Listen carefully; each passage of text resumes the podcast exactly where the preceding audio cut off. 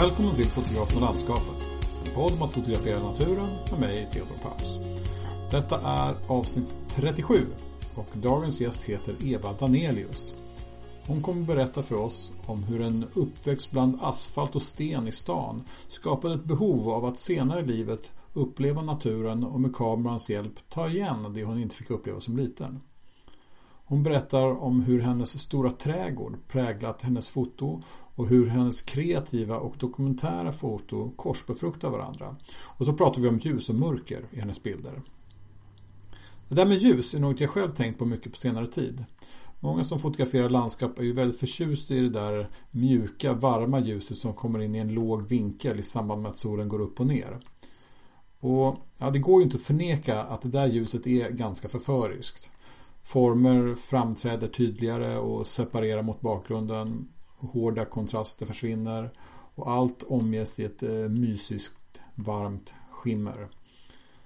Samtidigt kan jag konstatera att jag tagit många av mina egna favoritbilder under helt andra ljusförhållanden. I eh, mjölkvitt gråväder eller mitt på dagen när himlen varit ja, så nära som på helt blå. Jag har också noterat att även om många bilder som jag är nöjd med är från spektakulära platser som jag kanske rest långt till så har jag också många favoriter från platser där jag hade väldigt låga förväntningar på att ta en bra bild.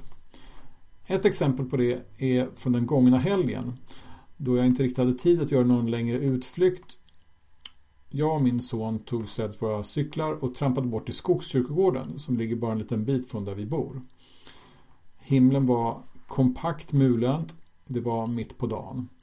Området innehåller i princip bara en massa tallar och vi gick runt och jag tänkte att idag blir det nog inga bilder. Men så såg jag ett spännande träd med ett virvar av vita grenar som avtecknade sig på ett intressant sätt mot de bakomliggande tallarnas gröna barr. Jag fick till en eh, telebild som jag själv blev väldigt nöjd med. Kanske var det en av de bättre bilder jag tagit det senaste halvåret. Och den var helt otippad. Tagen mitt på dagen i det där gråmulna vädret.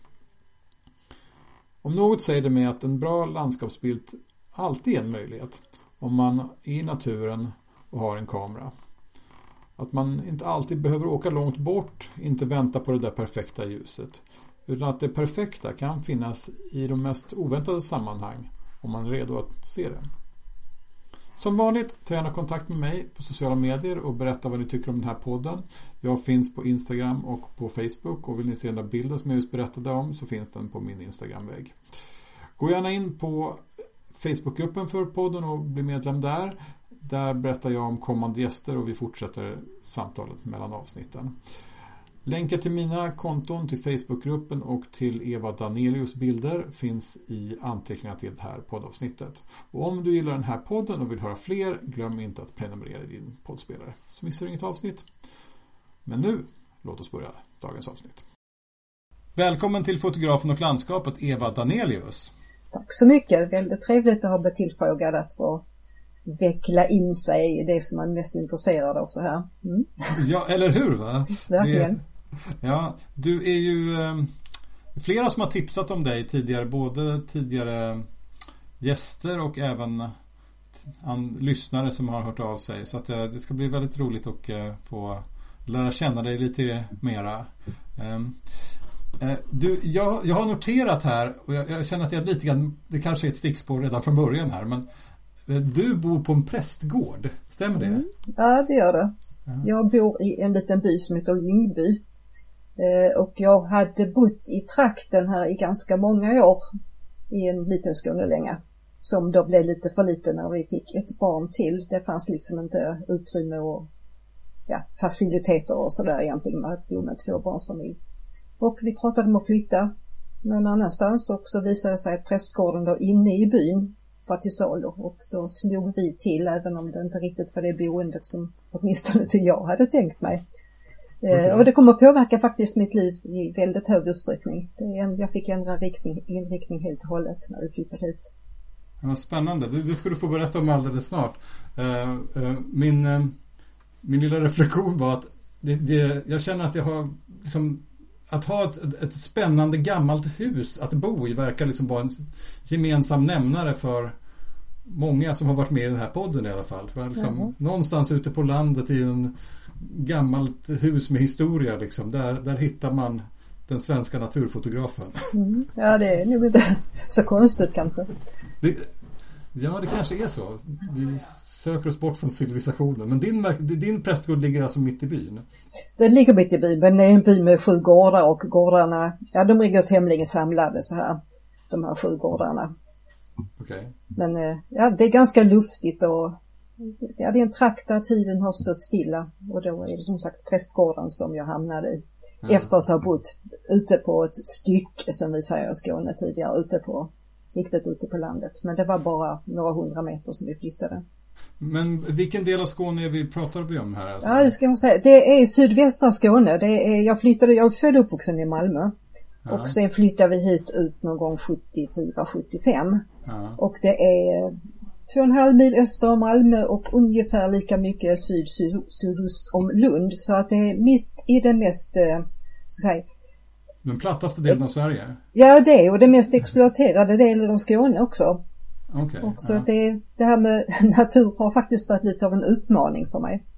Ja, men det är ändå inte superlångt att köra om man liksom har bil och Nej, i dagsläget tar det ungefär 20 minuter till Lund och kanske något lite längre till Malmö. Men det är alltså pendlingsavstånd, ja. ja. Du, du, du, det, vi kan inte hålla lyssnarna på halsen för länge här. Du berättade att liksom, platsen hade påverkat ditt liv mycket. Ja, kan du utveckla lite grann? Ja, det var ju byn, boendet. Ja, det var byn? Ja. Byn, ja det var det kanske inte, men det var boendet. Det var ja. väl inte riktigt vad jag hade tänkt mig. Jag var precis eh, färdig med min utbildning och så fick vi vårt andra barn efter ganska många år. Eh, och vi tyckte att den här lilla längan vi bodde i var lite för trång. Eh, lite dåligt disponerad och så. Så vi letade efter någonting annat och eh, det visade sig att prästgården inne i den här byn var till salu så att vi slog faktiskt till och köpte den. Mm. Men det betydde ju då att det var ska säga, lite svårt för mig att jag var utbildad, hade utbildat mig till psykolog att då att antingen lämna barnet hemma och åka för att att för att komma vidare i min yrkesutövning då så behövde jag ha en legitimation. För att få den så måste man åka iväg någonstans. Och det var antingen halvvägs upp i landet eller någonting sådant. Och antingen skulle jag ta med barnet eller också så fick jag lämna barnet hemma själv och åka iväg och det hade jag ingen större lust med. Så att jag stannade hemma och så började jag sköta den här jättestora tomten som hör, hörde till huset. Och då är jag lagt på det viset att ska jag göra någonting så gör jag det ofta så bra som jag kan. Jag tar till rejält så att jag började bygga upp en trädgård. Aha. Och eh, ja, det, det, blev i princip den jag kommer syssla med sen under väldigt många år. Men och det var inte vad jag blev, tänkt mig. Blev, blev yrket liksom lagt på is då eller? Liksom? Yrket blev lagt på is, ja. Okej. Okay. Och, och, sen så blev det mycket trädgård istället? Sen blev det väldigt mycket trädgård, ja. Right. Hur ser den här trädgården ut? Är det här, du bor kvar här? Och liksom, jag bor kvar här. Är... Ja, jag bor kvar här och jag hade ju från början en eh, ambition att göra någonting eh, som jag kunde liksom lite mer professionellt, att jag skulle ha trädgårdsvisningar, skulle kunna ha kurser, skulle kunna ha haft föredrag eller konstutställningar. Det är stora ytor både ute och inne. Men hela tiden gick vi på en massa smällar som vi inte behöver gå in på kanske just nu. Ja, nej, nej. Men eh, det gjorde liksom att jag sköt på det och sköt på det och sköt på det och till slut så var kroppen sliten och huvudet var slut och även om jag fortfarande hade lust och ambitioner så kände jag liksom att jag måste faktiskt hinna leva lite grann. För det är ju så att om man har en så stor trädgård och man ska sköta den på det viset som jag, mina ambitioner liksom ville att jag skulle göra. Så tog det liksom all min tid och jag stängde av all liksom sociala livet, sociala livet blev liksom kom på kant med, med, med allting annat. En del människor tyckte liksom att jag hade kastat bort karriären, en del människor såg mig att jag hade blivit hemmafru eh, och att jag svek liksom kvinnoideal. Eh, och dessutom så hade jag dålig tid att göra saker. alltså jag, jag var nästan livegen i min trädgård faktiskt. Jag vantrivdes inte med det men det, det var ett dyrt pris så här i efterhand. Hur stor är den här trädgården egentligen? Ja, den är väl nästan 10 000 kvadratmeter. Okej, okay, alright. Så det, det, finns att göra helt enkelt. Det har funnits att göra, ja. Dygnet runt nästan under växtperioden. Men eh, var det i den trädgården som liksom fotointresset vaknade också? Nej. Kom, det var... Hade det kommit tidigare? Ja, det har jag haft med mig nästan hela tiden. Eh, min far var en flitig amatörfotograf Eh, och när han köpte en ny, lite mer avancerad kamera någon gång runt, vad ska man säga, 1960 någonting. Eh, så fick jag överta, låna hans gamla kamera och det var en sån här gammal av typ där det bara fanns, man kunde vrida på objektivet och ställa in bländaren och så kunde man ställa in tiden. Någonting annat fanns inte, det fanns ju ingen ljusmätare och sånt där, så det var väldigt primitivt. Men med den där gamla kameran så, och med min fars hjälp, för han lärde mig ju då liksom både hur man skulle exponera och lite grann om eh, så kompositionsregler. Hur, ja. vad, vad man skulle göra för att få en bra bild. Och den tog jag väldigt mycket bilder med under ett antal år. Så att jag har fotograferat sen, ja, runt 1960 någonting. Eh, sen har jag inte fotograferat hela livet för det har ju varit perioder när jag inte har fotograferat så mycket. Och, alltså, ibland var det faktiskt ekonomiska skäl att det var ju dyrt att framkalla och köpa film och allt det här. Jag har aldrig haft tillgång till något eget labb.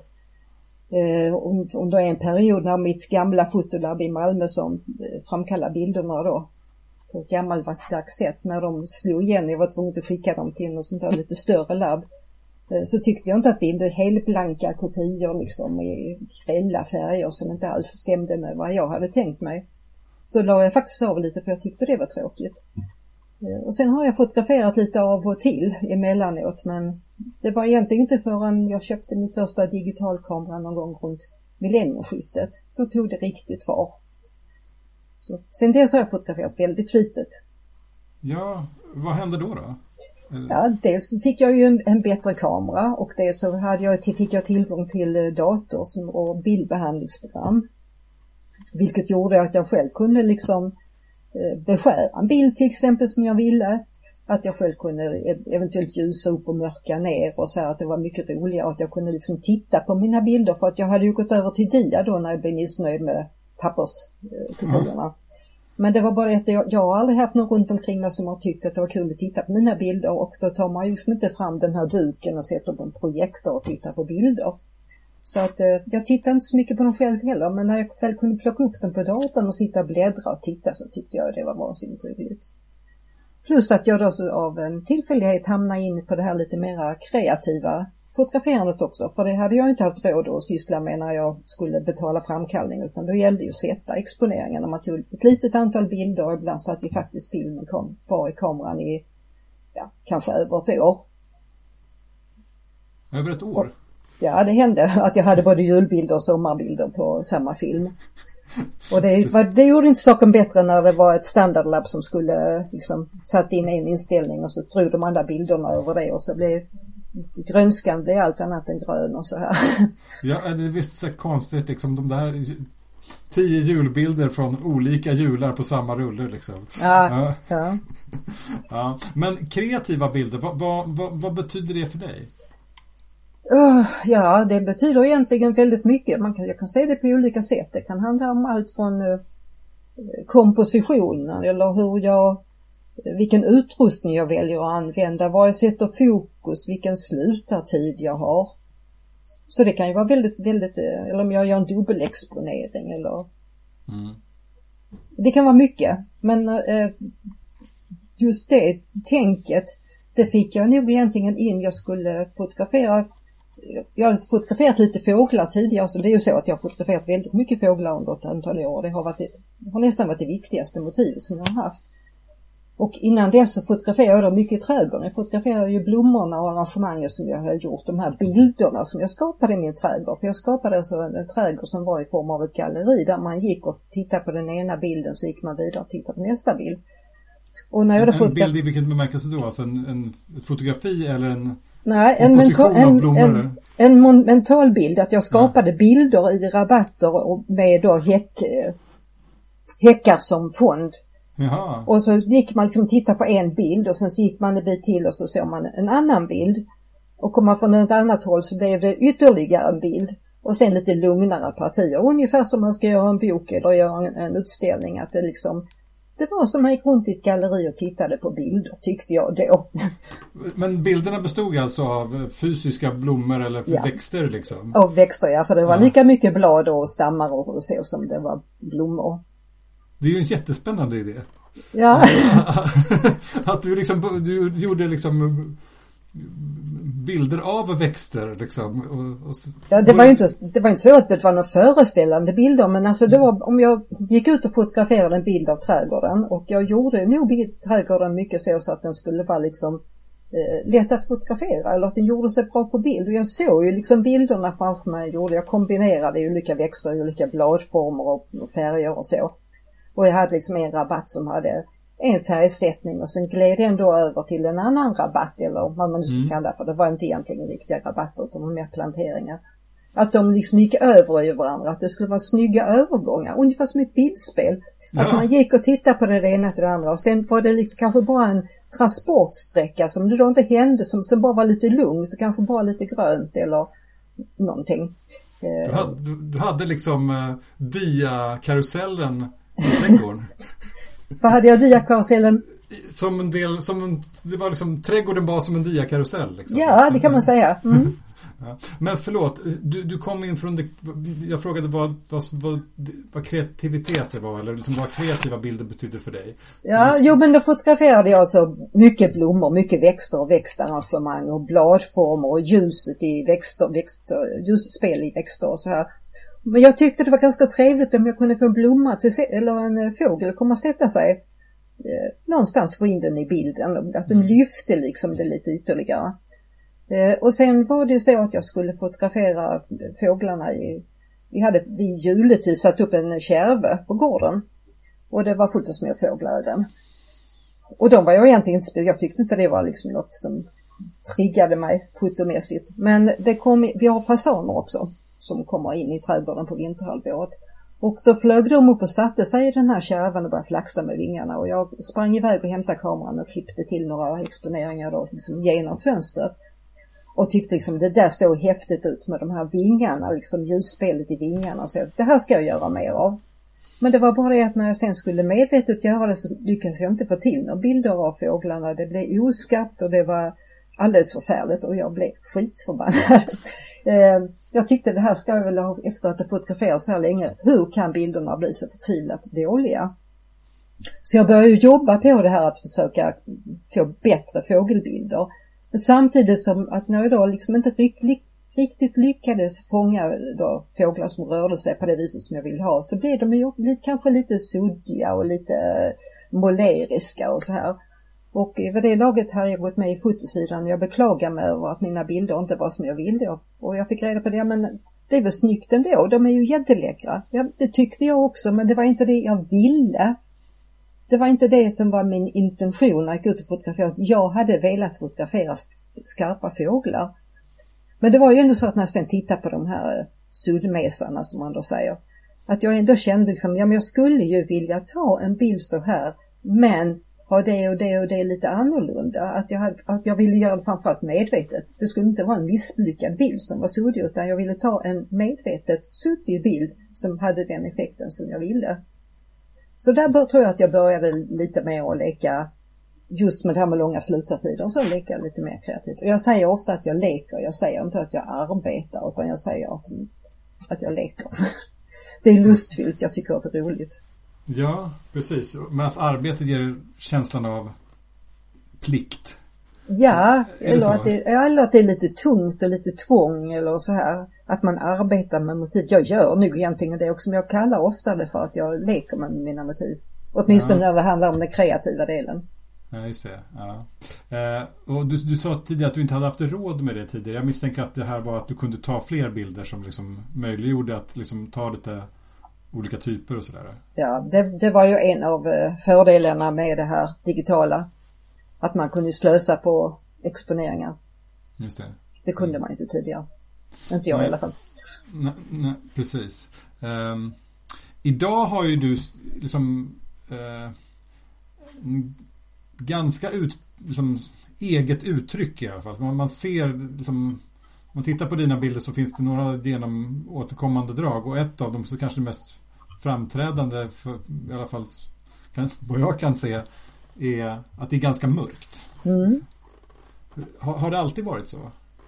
Uh, jag tror ofta att jag har tagit mörka bilder. Jag vet inte, jag vet när jag hade de här pappersbilderna så satte jag in dem i den här gammeldags typen av uh, foto böcker där, där sidorna var brunt papper. Att det här mörka liksom, bildmässigt har det attraherat mig, ja. ja. Och jag har nog alltid underexponerat mina bilder en liten smula därför att jag tycker liksom att ljusspelet blir mer spännande och bilderna blir mer intressanta och dramatiska. Ja. Och sen tänker jag också, när jag nu funderar på det här innan, liksom var har jag fått de här mörka bilderna från? Och jag pratar om ljusspelet, att det är det, att jag ritar kanske mer med eh, ja, de, de tecknen som ljusen ger, ger i en bild. Eh, så kommer jag att tänka på något som man gjorde i skolan. Man hade några svarta papper som inte var genomfärgade. Jag vet inte om du också har gjort det en gång. Den man kunde skrapa med. Så skrapar man ja. ja. Och det tyckte jag var himla spännande. Jag tyckte de här bilderna var jätteläckra. Och jag, någonting som jag också gör ibland är att jag helt enkelt, om jag har tagit en ljus bild så kan jag mycket väl få mig att invertera den. Så att om det är en snöbild att eh, de här liksom mörka strecken då, att det blir liksom tvärtom. Att jag får ett grafiskt uttryck. Okay, när jag vänder, att... vänder ut så att det svarta blir vitt och det vita blir svart. Ja, precis. Mm. Eh, men aldrig tvärtom? Eller? Nej. Alltså för, för det första är det väldigt sällan jag tar sådana high key bilder. Jag tar väldigt mycket dark key, mörka bilder. Ja, Men det, är, det är verkligen tydligt alltså. Medan vi pratar så scrollar jag igenom ditt Instagramflöde och det är mm. Alltså det är bra mörkt alltså. Ja, ja, det finns ju många som säger att det är alldeles för mörkt och dystert och så beklämmande. Eh, men själv säger jag liksom att okej, okay, mina bilder är mörka men det finns alltid skulle jag vilja säga utan att ta det här galleriet framför mig. Jag säger att det finns ljus i mina bilder. Alltså det ja. finns alltid någon sorts hopp, det finns alltid någon sorts värme i den. Ja. Uh, en annan sån här sak som jag ofta får höra är att folk säger att mina bilder är vemodiga. Och det har jag egentligen ingenting emot för jag tycker vemod är ett litet vackert ord. Det är lite stillsamt, det är lite sorgfyllt men ändå med en viss värme och saknad av någonting. Ja. Jag tycker inte att det är ett, ett sorgligt ord på något vis. Men jag brukar ändå kontra och säga att okej, okay, de är vemodiga men det är ett lekfullt vemod. Alltså där då, ska säga, innehållet, känslan kanske är vemodig men uttrycket är just lekfullt, att jag är, har roligt och lust, är lust, lustfyllt när jag skapar mina bilder. För att anknyta ja. då till det som jag sa för en stund sedan. Jag skulle verkligen inte säga att det är för mörkt utan det, det, som, det känner jag inte att jag kan recensera kring utan jag tycker att det här är ett jättefint uttryck som du har och, och också väldigt um, det känns liksom eget. Det mm. känns som att du, du har hittat någonting som, som um, Ja men precis som du säger, det finns någon speciell känsla i det och jag har lite svårt att själv sätta ord på det. ni får gå in och titta lyssnare eh, på, på, på Evas bilder. Men det är ju eh, Det finns ju liksom både det är alltid spel med, med, med, kontraster. Det är ganska mycket liksom, det, det, är både ljus och mörker i samma bild. Liksom. Mm, ja, men det var uh, skönt att du säger det. Uh, För det uh, finns de som bara säger att det är oj så dystert och jag blir så mm. ledsen när jag tittar på det eller att det, det kommer mig illa på något vis. Och då, en annan sak som jag brukar tycka är lite så med bilder att eh, jag använder en del av mina motiv till att nästan eh, spegla mig själv i dem. Att jag använder dem som någon sorts, den här kreativa, för jag tar ju liksom både dokumentära och, och kreativa bilder. Men i de här kreativa bilderna så använder jag ofta motiven på ett sätt liksom att Eh, spegla mig själv. Nå någonting. Det kan handla om mina känslor inför det här speciella motivet eller det kan vara mina känslor i största allmänhet. Eh, att jag projicerar mina erfarenheter eller min bakgrund eller någonting. Det kan handla om liksom förhållande människor emellan, om ensamhet eller sorg eller någonting annat. Eh, men jag, jag säger sällan det liksom explicit att det här är så här känner jag i den här bilden eller det här ser jag i den. Om jag inte står på en bildvisning och faktiskt vill liksom göra klart att jag kan använda mina bilder på det här viset. Men annars så lägger jag bara ut dem och jag vill helst inte ens ha någon eh, titel på mina bilder utan jag vill att den som tittar på bilderna ska se det och tolka det på sitt eget vis. Jag tycker att samma ögonblick som jag lämnar ifrån mig en bild och lämnar ut den så är det upp till den som tittar på bilden att lägga sin tolkning i det. Så om någon då ser någonting som är alldeles förfärligt och deprimerande i min bild så tycker jag då, då är det hans eller hennes upplevelser och känslor som det speglar. Det är inte nödvändigtvis mina för ibland händer det att jag lägger ut en bild som inte alls är sorglig och som jag inte alls har haft någon eh, ska säga, negativa eller vemodiga känslor när jag tagit bilder. Jag har bara tagit någonting och tyckte att det här blir en himla häftig effekt eller det blir en snygg bild och så är det någon som säger liksom att oj så ledset och så rädd jag blir och så tragiskt det här är. Men då tycker jag det, men det är ju inte, det är ju inte jag som har lagt det i bilden utan det är ju någon som ser det. Och det tycker jag är en sak som är väldigt spännande. Men, att vi alla tolkar bilder? Liksom, att andra tolkar det och att, att man gör, att jag gärna då gör den typen av bilder som lämnar någonting över för betraktaren att fylla i liksom sina egna känslor, sina egna tankar och frågor och så här. Att en, en bild, om man nu liksom delar upp mitt fotograferande i både ett rent dokumentärt och ett eh, mer kreativt eller måleriskt eller fantasifullt om man ska säga. Så om jag ska dokumentera ett landskap eller en fågel så är det ju liksom hur den ser ut även om jag då gör det på mitt sätt. Men den där andra, och det är då liksom, nu säger en, en sluten bild. Den kan inte föreställa mer än det här landskapet. Bilden kan inte föreställa mer än den här fågeln eller djurhjorten eller vad det kan vara för någonting. Men i den andra typen av bilder så är det ju den som tittar, den kan liksom känna någonting inför bilden. Den kan ställa frågor. Hur sjutton har hon gjort här då? Eller vad föreställer den egentligen? Eller vad är det jag ser? Och den typen av bilder tycker jag är egentligen de mest spännande bilder och det är den typen av bilder som jag både helst själv tittar på och som jag helst gör. Mm. Jag tycker mm. att, att det här liksom att, att skapa någonting det är ju liksom att göra någon annans berättelse på något vis. Just det. Det finns en bildteori som, som heter Mirrors and Frames, känner du till den? Ja, det gör jag. Ja, för det här, där alltså mirrors är bilder som på något sätt speglar fotografen eller konstnären själv medan frames är liksom bilder som ramar in någonting som redan finns. Mm. Uh, och du verkar ju vara en, i ditt konstnärliga foto, eller man säger, vara en är intresserad av mirrors. Liksom. Mm. Jo, men jag hävdar ju också att det är ju inte bara mig, som, det är inte bara jag som speglas och mm. mina erfarenheter utan det är i lika hög utsträckning då den som tittar på den. Just det. Mm. Och där tycker jag då att det är ganska spännande att inte liksom om jag lägger ut en bild, att inte lägga för mycket förklaring att här har jag sett detta eller här vill jag förmedla det. Utan man lägger bara ut en bild eller på en konstutställning. Går jag på en mm. konstutställning så läser jag sällan texten om bilden eller kanske inte ens titeln på om det är, sitter en liten skylt under den. Utan jag står och tittar på bilden, jag liksom ser vad jag ser, jag känner in den, jag läser av den. Och sen när jag har gjort det liksom och det har landat, då går jag fram och läser eller om jag har någon liten folder och läser vad, mm. vad, vad konstnären då har velat eh, formulera eller visa för mig. Ja, du tillämpar och, den teorin när du tittar på andras bilder också? Det, det gör jag definitivt, ja. ja.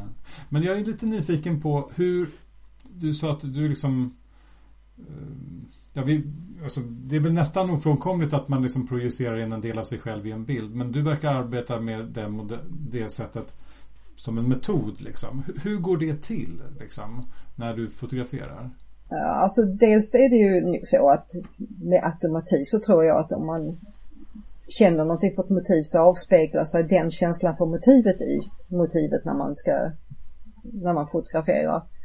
Eh, och sen har jag nog också tagit en del bilder liksom som jag inte har haft någon intention, inte haft någon avsikt att det skulle precis säga någonting om mig eller att jag skulle uttrycka någonting.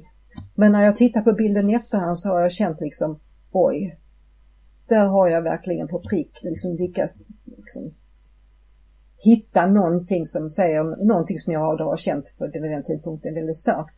Och jag, har, jag är faktiskt lite fascinerad av det själv att jag ibland kan ta bilder utan att riktigt ha någon medveten om att det är liksom som någonting omedvetet att jag ser någonting och ser in någonting och så trycker jag av en bild och så ser jag i efterhand att wow, hur kunde jag ta den bilden där och då? Ibland är jag liksom inte alls medveten om det förrän kanske när en, en tid har gått att jag har liksom nystat mig igenom en, en viss period i mitt liv.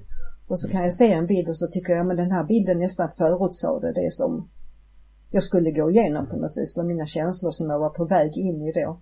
Ja. Och det tycker jag faktiskt är ganska spännande. Så att det är inte, är det, är det så det brukar vara? Det är inte så mycket en metod när du tar bilden att nu ska jag liksom illustrera någonting i mig själv. Utan det är mer någonting som du i efterhand inser att den här bilden illustrerade någonting som jag kände där och då. Liksom. Ja, det var väl kanske som med fåglarna att från början var det så att jag tog bilder och utan att vara riktigt medveten om vad det var jag eh, la in i, i bilderna. Men sen har jag liksom också sett uttrycket, jag kan ju se framförallt när jag fotograferar makro, jag ligger på magen och fotograferar någonting med väldigt kort skärpedjup och leker med skuggorna i bakgrunden. Då kan jag ju nu se, redan när jag tittar i sökaren att där är någonting som kommer att se ut si och så och det där, det där vill jag framhäva och det behöver kanske inte då, då vara så himla mycket av mig själv men att det är den här känslan att jag tycker att bilden får sitt uttryck av den här bakgrunden kanske mer än, än blomman som jag fotograferar. Mm. Och det gör jag ju medvetet. Just det, okej. Okay. Mm. Har du något exempel på det här? Någon bild som du eh, som är, där du kände efter att, där du kunde säga att det där var en speciell del av dig själv liksom? Ja, jag har en sån bild. Jag vet inte var jag har den någonstans och hitta. Men det är en bild, en eh, skuggbild. Där jag har tagit ja. mig själv mot en rot, en, skuggan av mig själv mot rotvältan. Aha. En jättestor rotvälta. Det var ett träd som hade fallit omkull i trädgården. Och eh, det var solbelyst och jag fick en sån skuggbild av mig själv tyckte det såg lite häftigt ut och tog en bild utan någon som helst tanke. Och när jag tittar på den här bilden sen så ser jag liksom någon som liksom riktigt hukar och håller undan och eh, alltså det ser väldigt ut som en väldig fara som är, hänger över den här mm. skuggbilden. Tycker jag med min egen tolkning nu så här i efterhand. Och det såg jag inte när jag tog bilden men jag såg det efteråt och sen framförallt då var jag precis på väg in i, det hade hänt en, en hel del tråkiga saker i mitt liv. Eh, och det, det kändes som en föraning av det som skulle komma. Mm. Ja, det låter kanske märkligt men det är ett exempel som jag, liksom, var gång jag tittar på den bilden så känner jag liksom att det, det var något som hände där som jag inte var medveten om att jag fotograferade. Det, ja. det. Nej men jag tycker ofta att det, det är liksom på något, bilder blir ju mer intressanta om de inte är så eh, slutna. Liksom om tolkningen inte är klar när man tittar på dem utan att mm. det på något sätt lämnar utrymme för någon form av eh, liksom att, om, att, man som betraktare kan projicera någonting av sig själv in i bilden. Liksom. Mm. Eh, och liksom fundera på vad det betyder och sådär. Um, så att um, absolut, men, men du själv brukar inte vara liksom ett återkommande motiv i dina egna bilder? Inte tydligt men jag kan ju se en del av mina makrobilder, alltså, alltså att jag kan lägga in då eh, vissa saker. Ja, jag tänkte mer rent fysiskt. Liksom. Du brukar Nej. inte ta självporträtt. Det, här var en, det där med att du, din, din egen skugga fanns med i bilden, det var någonting som var... Ja, det var nog ett, jag har en del självporträtt också och jag har ett, ett litet, man ska säga, projekt där jag har fotograferat mig själv i olika perioder och försöker lägga dem mot naturbilder. Jaha. Så jag har en del sådana också men de har jag inte lagt ut i någon större utsträckning. Okej, okay, ja. Um, för, bara för att liksom lite grann, du, du, har ju lite olika typer av motiv liksom. Um, det är ju, uh, innan vi hade vårt, bokade in den här uh, inspelningen så uh, Eh, sa du att vad, vad, ska jag göra i den här podden? Jag är ju inte landskapsfotograf. Eh, och i någon bemärkelse så är du kanske inte det, men ändå kanske lite i, i alla fall som jag tolkar in det. men du, tolk, du fotograferar ju ganska många olika saker. Liksom. Det är liksom fåglar och det är liksom natur och det är makro, det är insekter, det är liksom eh, det är natur i väldigt många olika delar liksom. Mm. Eh, vad, vad, är, vad är din egen liksom, eh, inramning av vilken typ av foto du håller på med? Ja, jag har hållit på liksom med, med fågelfoto i väldigt många år. Dels för, därför att det var liksom någonting som jag inte tyckte jag behärskade. Jag behövde verkligen träna på det och jag Dessutom så var det för mig en ingång i, eh, i fågelvärlden. Alltså när jag mm. flyttade ut ifrån stan så kunde jag inte se skillnad på en, vad ska jag säga, en blåmes och en talgoxe. Alltså alla småfåglar var, som vi säger i Skåne, pjoddar. Ja. Eh, och alla andfåglar var ju ankor eller änder. Alltså jag kunde ingenting. Eh, och när man då kommer ut och man ser en massa fåglar som bara virrar omkring. Alltså man, jag hann ju inte se vad någonting var det. Vad det var för någonting. Men genom att då fotografera dem och det var liksom min första målsättning egentligen när jag började fotografera fåglar då när det blev så himla dåligt. Det var ju att jag skulle kunna ta bilder som man skulle kunna identifiera och se vad det var för någonting. Även om det då just vid den tidpunkten inte spelade någon roll för jag hade inte vetat ändå. Men med att ha en, en fågel på bild så kunde jag faktiskt med hjälp av de fågelböcker som jag då köpte eh, så kunde jag ju liksom se vad det var för någonting och lära mig då fåglarnas, eh, ska jag säga, grammatik. Att jag lärde mig att se liksom näbbar och näbb eller benlängd och så här, och se, placera in dem var de var någonstans. Det, det, var en ornitologisk liksom uh, approach till... Ja, det, det var ju ett sätt att, att komma in och lära mig det, ja. Ja. Alright, men, men okej. Okay. Eh, men, men det var bara en del i början där liksom? Eh, det var ju en del ja. ja. Men i, idag liksom, vilken, eh, vilken typ av fotograf är du i om du får beskriva dig själv? Ja, jag tycker att jag är lite så schizofren.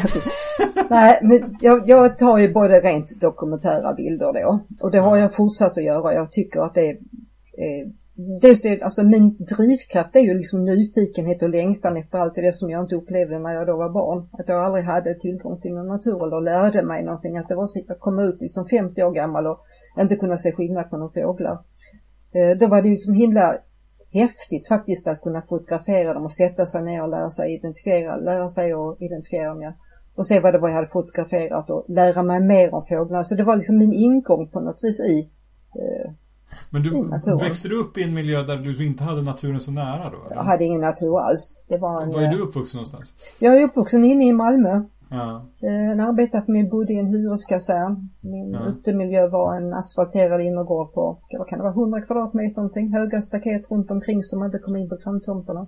Ingen okay. sol, inte ett enda grönt strå. Så när jag kom ut så var jag liksom fullständigt illiterat. Jag visste ingenting om någonting, varken växter eller djur. Eh, och jag var faktiskt också lite lätt skräckslagen när jag skulle gå in i en skog. Jag gick vilse hela tiden. Jag snubblade på allting. Jag hade varken någon inre kompass eller var terränggående. Mm. Så, så, fotograferandet har i stor utsträckning varit liksom min inkörsport till mm. naturen. Och det är den ena delen då liksom. Därför att det tycker jag det är viktigt för mig själv att lära mig mer och jag tycker det är jättespännande. Men jag tycker också att det är roligt att visa andra då. Kan jag ta en bild på en fågel och få någon är intresserad av att titta på den och väcka något engagemang eller intresse och som sen blir ett engagemang så tycker jag att det är superhäftigt. Men sen är det den andra bilden som, eller den andra delen som då är liksom bildskaparen. Att jag tycker det är Egentligen tycker jag att det är roligare att ta den andra typen av bilder, måleriska, fantasifulla bilder. Men alltså egentligen det är ju de olika, de två olika hjärnhalvorna att jag använder båda två. Så att det kanske inte är så tokigt i alla fall. Är det här dokumentära fotot liksom fortfarande ett sätt för dig att lära dig om naturen? Ja, och ja, det är det. Ja. Och är det mest djur då? Eller är det, som är det andra uttryck av naturen också som du vill lära dig om? Ja, alltså växterna började jag ju redan med när jag började komma ut och fick en egen trädgård. Att jag började ja, plocka in vilda växter i trädgården eller enklare, mer naturliga former av de arterna som vi har som prydnadsväxter. Vanligen ja. i våra trädgårdar. Så då började jag liksom fotografera växter, jag började lära mig växter och ja, fick, fick liksom en inkörsport i det. Och sen är det ju, och, och träd och sådär lärde jag mig också. Men sen har det varit liksom alla former av djur som jag inte har kunnat någonting av. I somras började jag faktiskt med spindlar. Som jag okay. aldrig har vetat någonting om. Och jag vet inte om du har tittat på min Ja, men jag har sett bilder av spindlar som mm. du har mm. tagit. Absolut. Och då började jag liksom fotografera spindlar och tyckte det blev lite spännande bilder. Det var liksom ett lite, det blev ett lite spännande mikrolandskap och en spindel som antingen kröp på ett nät eller tråd eller någonting och att växterna blev lite eh, mysko och så här. Att det var lite fantasifullt. Men sen när jag höll på att fotografera spindlar i ett antal veckor, det var ganska många, så började jag liksom fundera, ja men vad är det för sorts spindlar jag har fotograferat? Så då började jag liksom försöka slå igen på nytt och leta på nätet vad det var för spindlar och jag la in en bild i någon, fåg, i någon spindelgrupp på nätet. Ja. Men det var inte så himla att identifiera mina spindlar för jag har ju inte tagit bilderna i syfte att de skulle identifieras. det var mörkt och oskarpt. Så det var ja, det var oskarpt. Jag hade fokus på fel saker och de var satt lite konstigt sådär. Så då fick jag ju gå ut och börja fotografera fåglar eller spindlar. Just med syfte att nu vill jag faktiskt lära mig lite mer om spindlar och dammspindlar är ju superhäftigt alltså. Ja. Jo, nej men det är roligt för att det finns ju olika sätt att liksom ta sig an en bild liksom. Mm. Eh, för vissa människor så är det ju väldigt viktigt liksom vad som är på bilden. Och man kan exakt liksom vad den där arten heter eller vad det där är för träd eller vad det nu kan vara för någonting som man fotograferar. Mm. Och för andra så är det på något sätt så är naturen liksom och det är liksom ett um, ett motiv bland andra, en mängd olika former och, linjer och liksom som eh, färger liksom. Men vad som vad, vad det är för någonting egentligen är inte riktigt lika viktigt liksom. Mm. Eh, men, men du verkar ju jobba med båda de två dimensionerna liksom. Ja, men det beror ju på att jag var så fullständigt okunnig i allting att jag liksom tyckte det var så spännande att lära mig saker. Ja. Och att jag vill liksom ta tillvara tillfället då. Och genom att använda kameran så känner jag liksom att ja, men jag kan faktiskt lära mig. Jag kan, jag kan lära mig fåglarnas grammatik. Så här, och jag, jag kan liksom nu börja ta mig an, eh, ja, till exempel som spindlarna. Mm. Precis, men börjar det ofta i den där liksom, så som du beskrev det med spindlarna nu, att liksom det, det börjar i någon slags konstnärlig idé. Och sen så efter ett tag så växer intresset för att börja ta reda på det som man har nu, fotograferat egentligen. Det är, nu det, som har, också. Det, det är nog det som har varit mest eh, vanligt, ja. Jag har en serie med bilder på eh, ekoxar på min, mitt Instagramkonto och där var det inte så för där hade jag faktiskt sett andras bilder av ekoxar och läst om ekoxar och letat efter dem väldigt länge. Så när jag hittade dem då, då började jag faktiskt eftersom jag inte hade så många, visste inte hur många chanser jag skulle få att fotografera dem. Så då började jag faktiskt ta rent dokumentära bilder för jag ville ha dem. Och det är ju lite så också nu att om jag går ut och ska fotografera någon ny fågel, om jag har läst någonting om någon fågel och sett en bild på fågel som jag tyckte, men det där skulle vara kul att titta på och fotografera. Så är det, då börjar jag ofta i andra änden att jag börjar först att ta några dokumentära bilder så jag har dem liksom att jag, jag har ju blivit lite så här fågelskådare också på kuppen. Mm. Så att jag kryssar fåglar. Jag kryssar de fåglarna som jag fotograferat rättare sagt. Har jag inte fotograferat dem så har jag inte sett dem heller. Du har förstått att fågelskådning är superkonkurrens. Liksom. Det handlar om att man ska kryssa så många fåglar som möjligt. Ja, det, det finns väl alla varianter för det. Det finns de som bara gör för att de tycker att det är roligt och för att de kommer att tycka om att det är ett trevligt sätt att komma ut i naturen och träffa andra trevliga människor. Jag förstår, jag förstår det också. Det, det finns nog olika varianter. jag, har, jag, hade ingen aning om att det var så att det fanns liksom sån här sport. Ja, jo då. Sporten att ta så många som möjligt och så svåra ja, som möjligt. Ja, men förlåt, jag avbröt dig här. Du börjar där i att liksom ta de dokumentära bilderna. Ja, och när jag sen har tagit dem så ägnar jag mig liksom åt att leka med, med, med motiven. Då, då, tycker, då använder jag ofta det här med att långa slutartider till exempel på fåglar tycker jag är väldigt roligt att leka med. Mm. Eh, eller att eh, eventuellt en dubbelexponering kan jag ibland också kosta på mig även om inte det är något sån jättevanlig metod jag använder. Att jag använder till exempel gamla objektiv som ger de mm. här lite konstiga effekterna eller man ska säga defekterna som vi nu ja. uppskattar. Eh, och att jag liksom tycker att det är roligt att leka med färg och form då. Men då har jag liksom då redan tagit en bild så jag kan lägga in att jag har en bild på den här arten och jag vet hur den ser ut och, och så här kan liksom kika på den.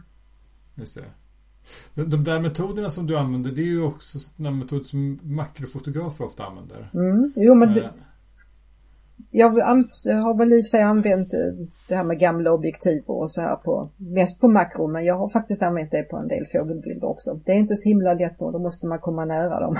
Plus mm. att man sätter skärpan manuellt på dem och då det kräver ju också att de sitter stilla tillräckligt länge. Just det. Mm. Men jag har använt det på spindlarna, det är, det är nästan uteslutande sådana här lite gamla konstiga objektiv som jag har använt på det. Just det. Mm. Men hur, hur går det till liksom när du fotograferar? Eh, eh, är du liksom eh, Är det planerat eller liksom Hur ser en fotodag ut för dig? Ja, det är väldigt olika. Att, jag fotograferar väldigt mycket i min närmiljö för det första och det är lite ett av mina signum. Att jag reser inte speciellt mycket, nästan ingenting alls. Så jag fotograferar det som är nära då i det här landskapet som man kanske inte tror att det finns så mycket natur på. Ja, delvis tycker jag kanske att det är, är liksom trevligt och angeläget att visa att det finns faktiskt natur även i vår del av landet och att Skåne inte ser ut sådär riktigt som folk alltid förväntar sig att det gör. Men speciellt inte då i den regionen som jag bor i.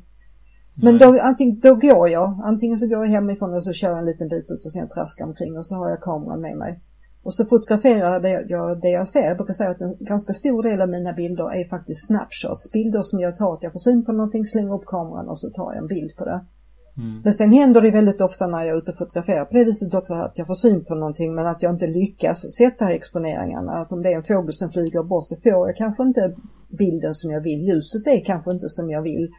Och jag tänker att jag, det, där skulle jag vilja göra om och lite bättre, göra lite bättre och då många fåglar är ju tämligen stationära så att då kan man ju försöka ta sig tillbaka och försöka smyga till dem från något, något håll där man inte märks så att säga och skrämma upp dem.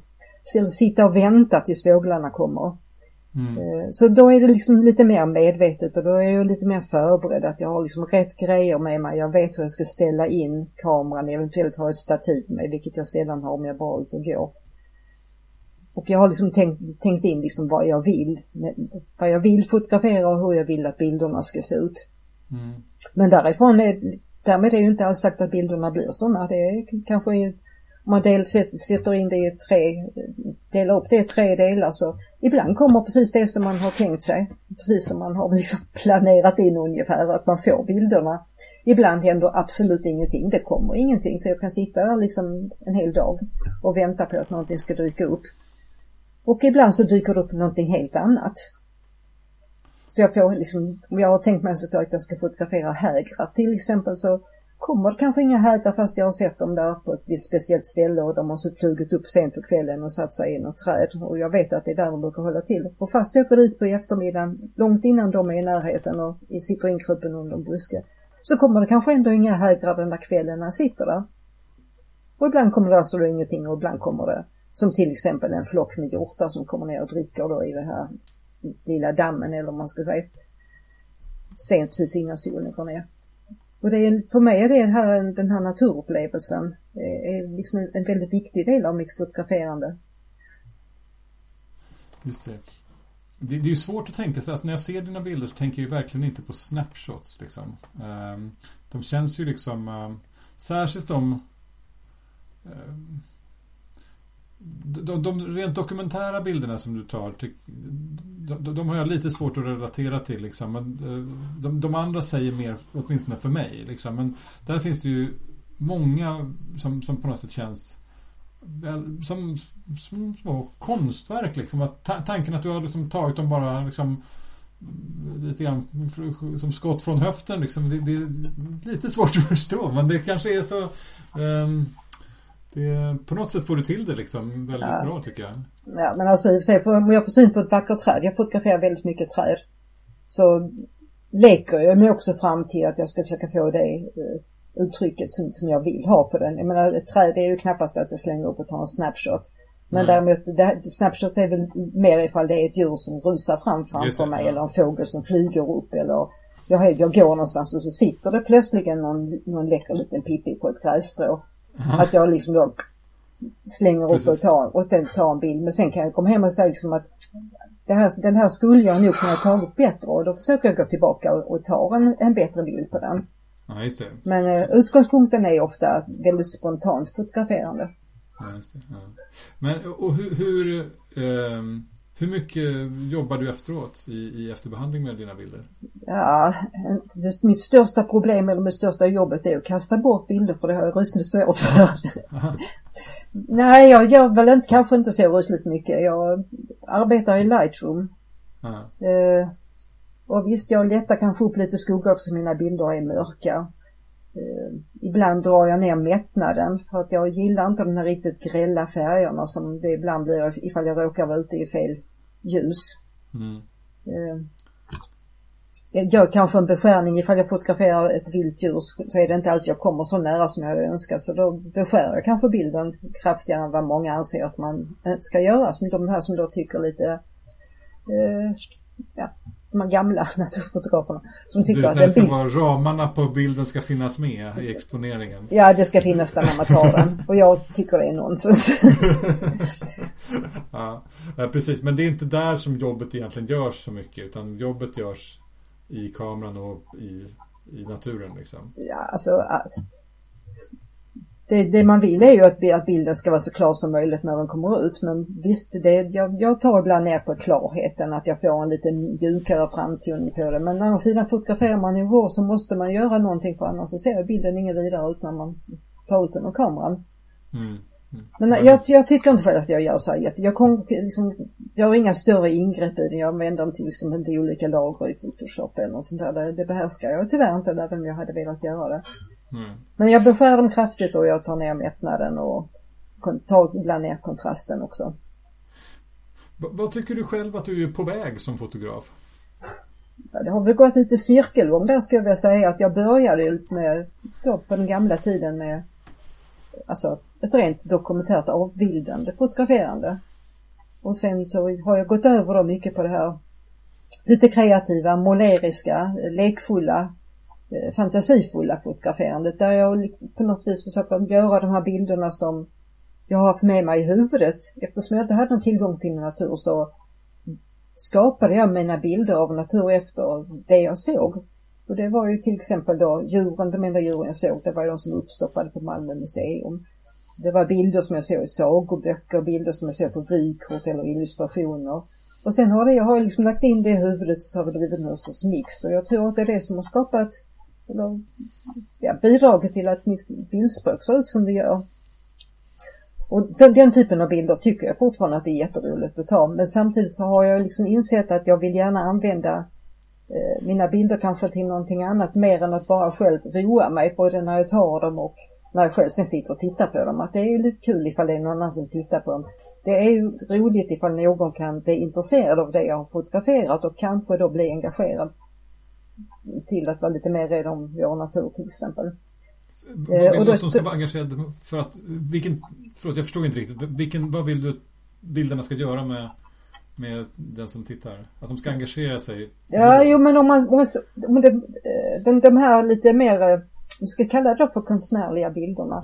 En del av de som tittar på de bilderna, det är ju inte de här som redan är naturintresserade. Ja, okay. De som redan är fågelskådare till exempel, det finns väl sådana också som tittar på det. Men det finns ju en annan typ av människor, en annan kategori av människor som kan titta på mina bilder då och säga Oj så häftigt om jag visar en bild på en häger till exempel. Vad är det? Ja. Finns det sådana?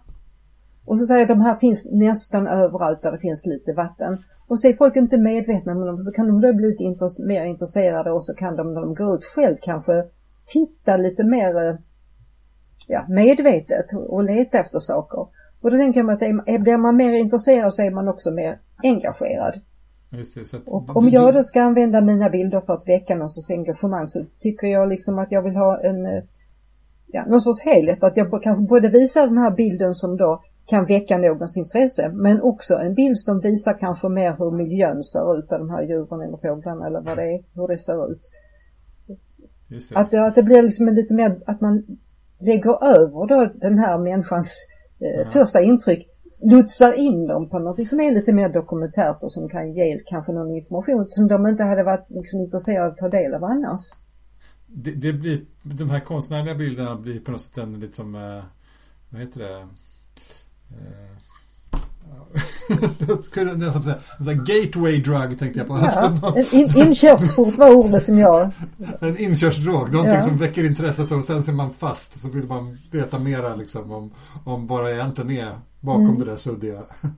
Ja, men spännande. Det, det, det, där det där är ju liksom någonting som är väldigt drivande för vissa fotografer. Jag hade Josefin Nilsson var um, i en tidigare uh, podd. Uh, och hon lyfte ju den här uh, liksom på något sätt ansvaret liksom, eller inte ansvaret kanske utan just det, detta att liksom uh, fotografens roll att liksom väcka intresse för naturen. Liksom, mm. Få fler att intressera sig för den. Liksom. Mm.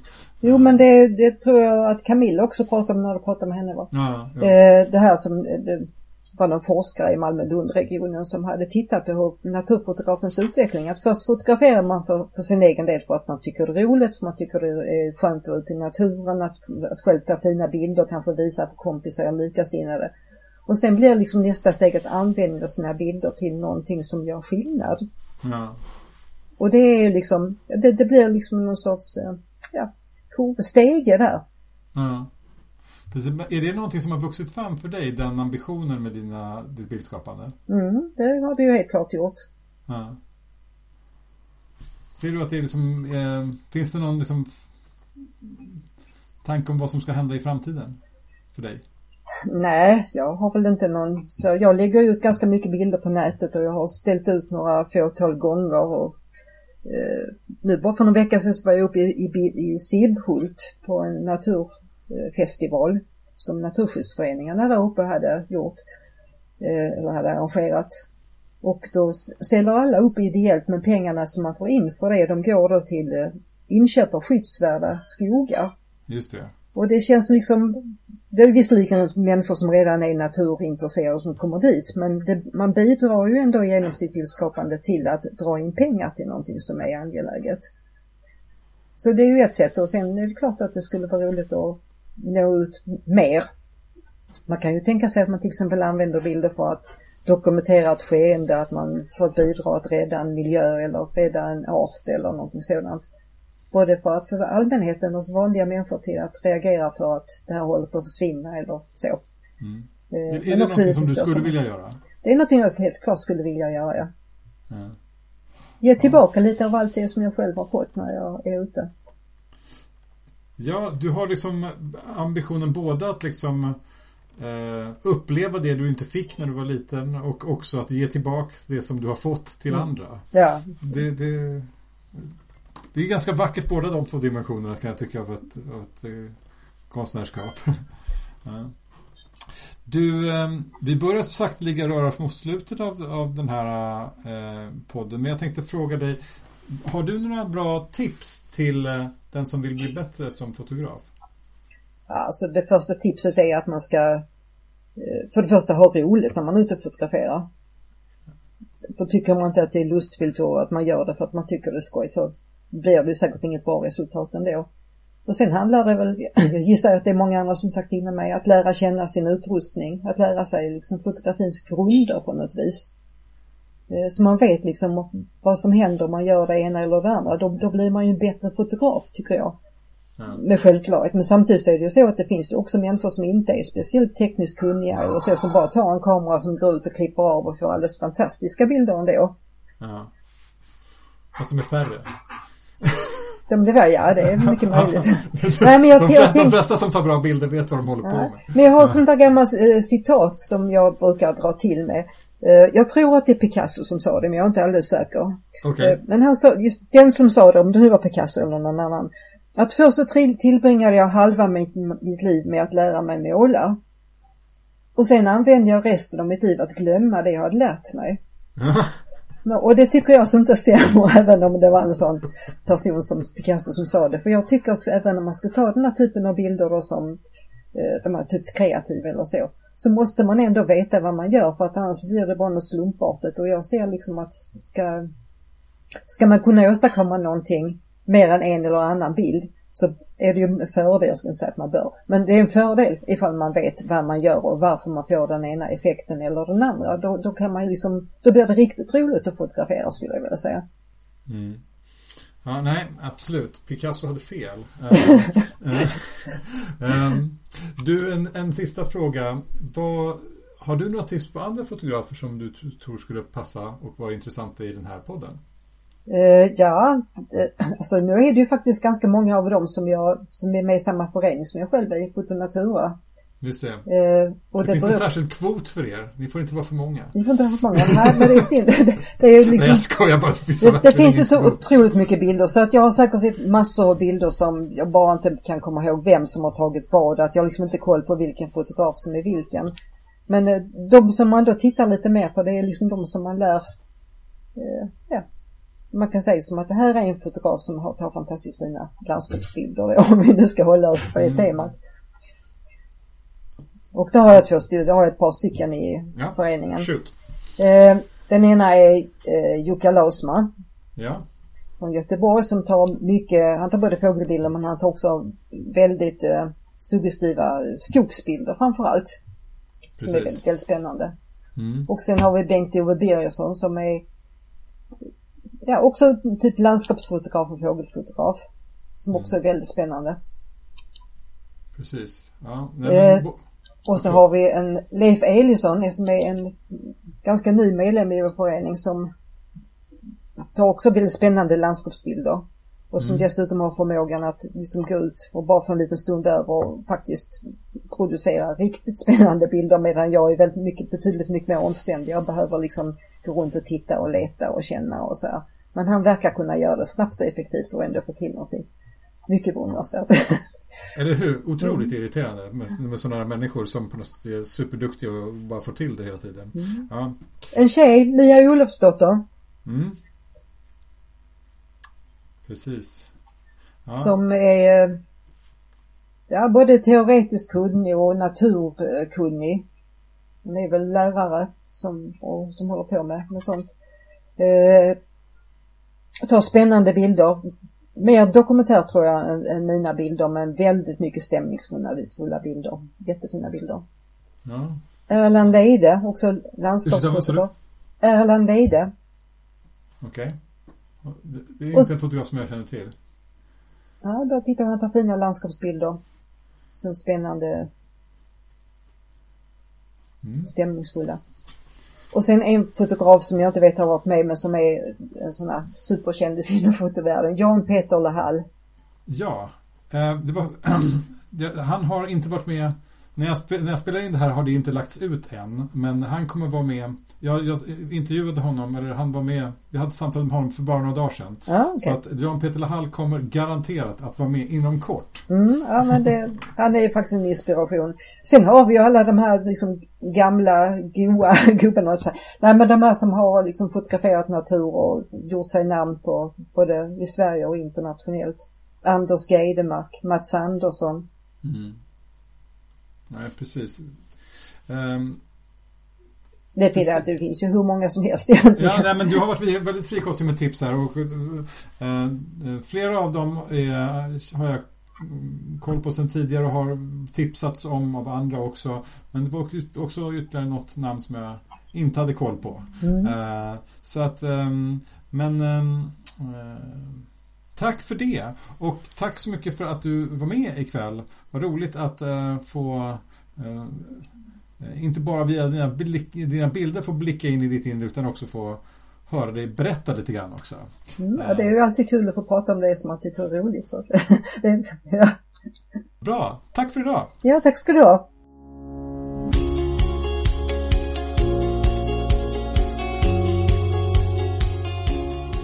Tack även till dig som lyssnat på det här avsnittet av Fotografen och landskapet. Tveka inte att höra av dig om du har tankar och idéer om podden. Du hittar länkar till mina konton på Facebook och Instagram i anteckningarna till det här avsnittet. Det är bara att skicka ett meddelande om du har någon tanke som du vill dela med dig av. Där hittar du också länkar till Facebookgruppen för podden och länkar till Eva Danelius bilder och länkar till de fotografer också som hon tipsade om i slutet av avsnittet. Och om du gillar fotografen och landskapet och vill höra fler avsnitt, glöm inte att prenumerera i din poddspelare så missar du inget avsnitt. Och det var allt vi hade för idag och vi hörs igen om två veckor.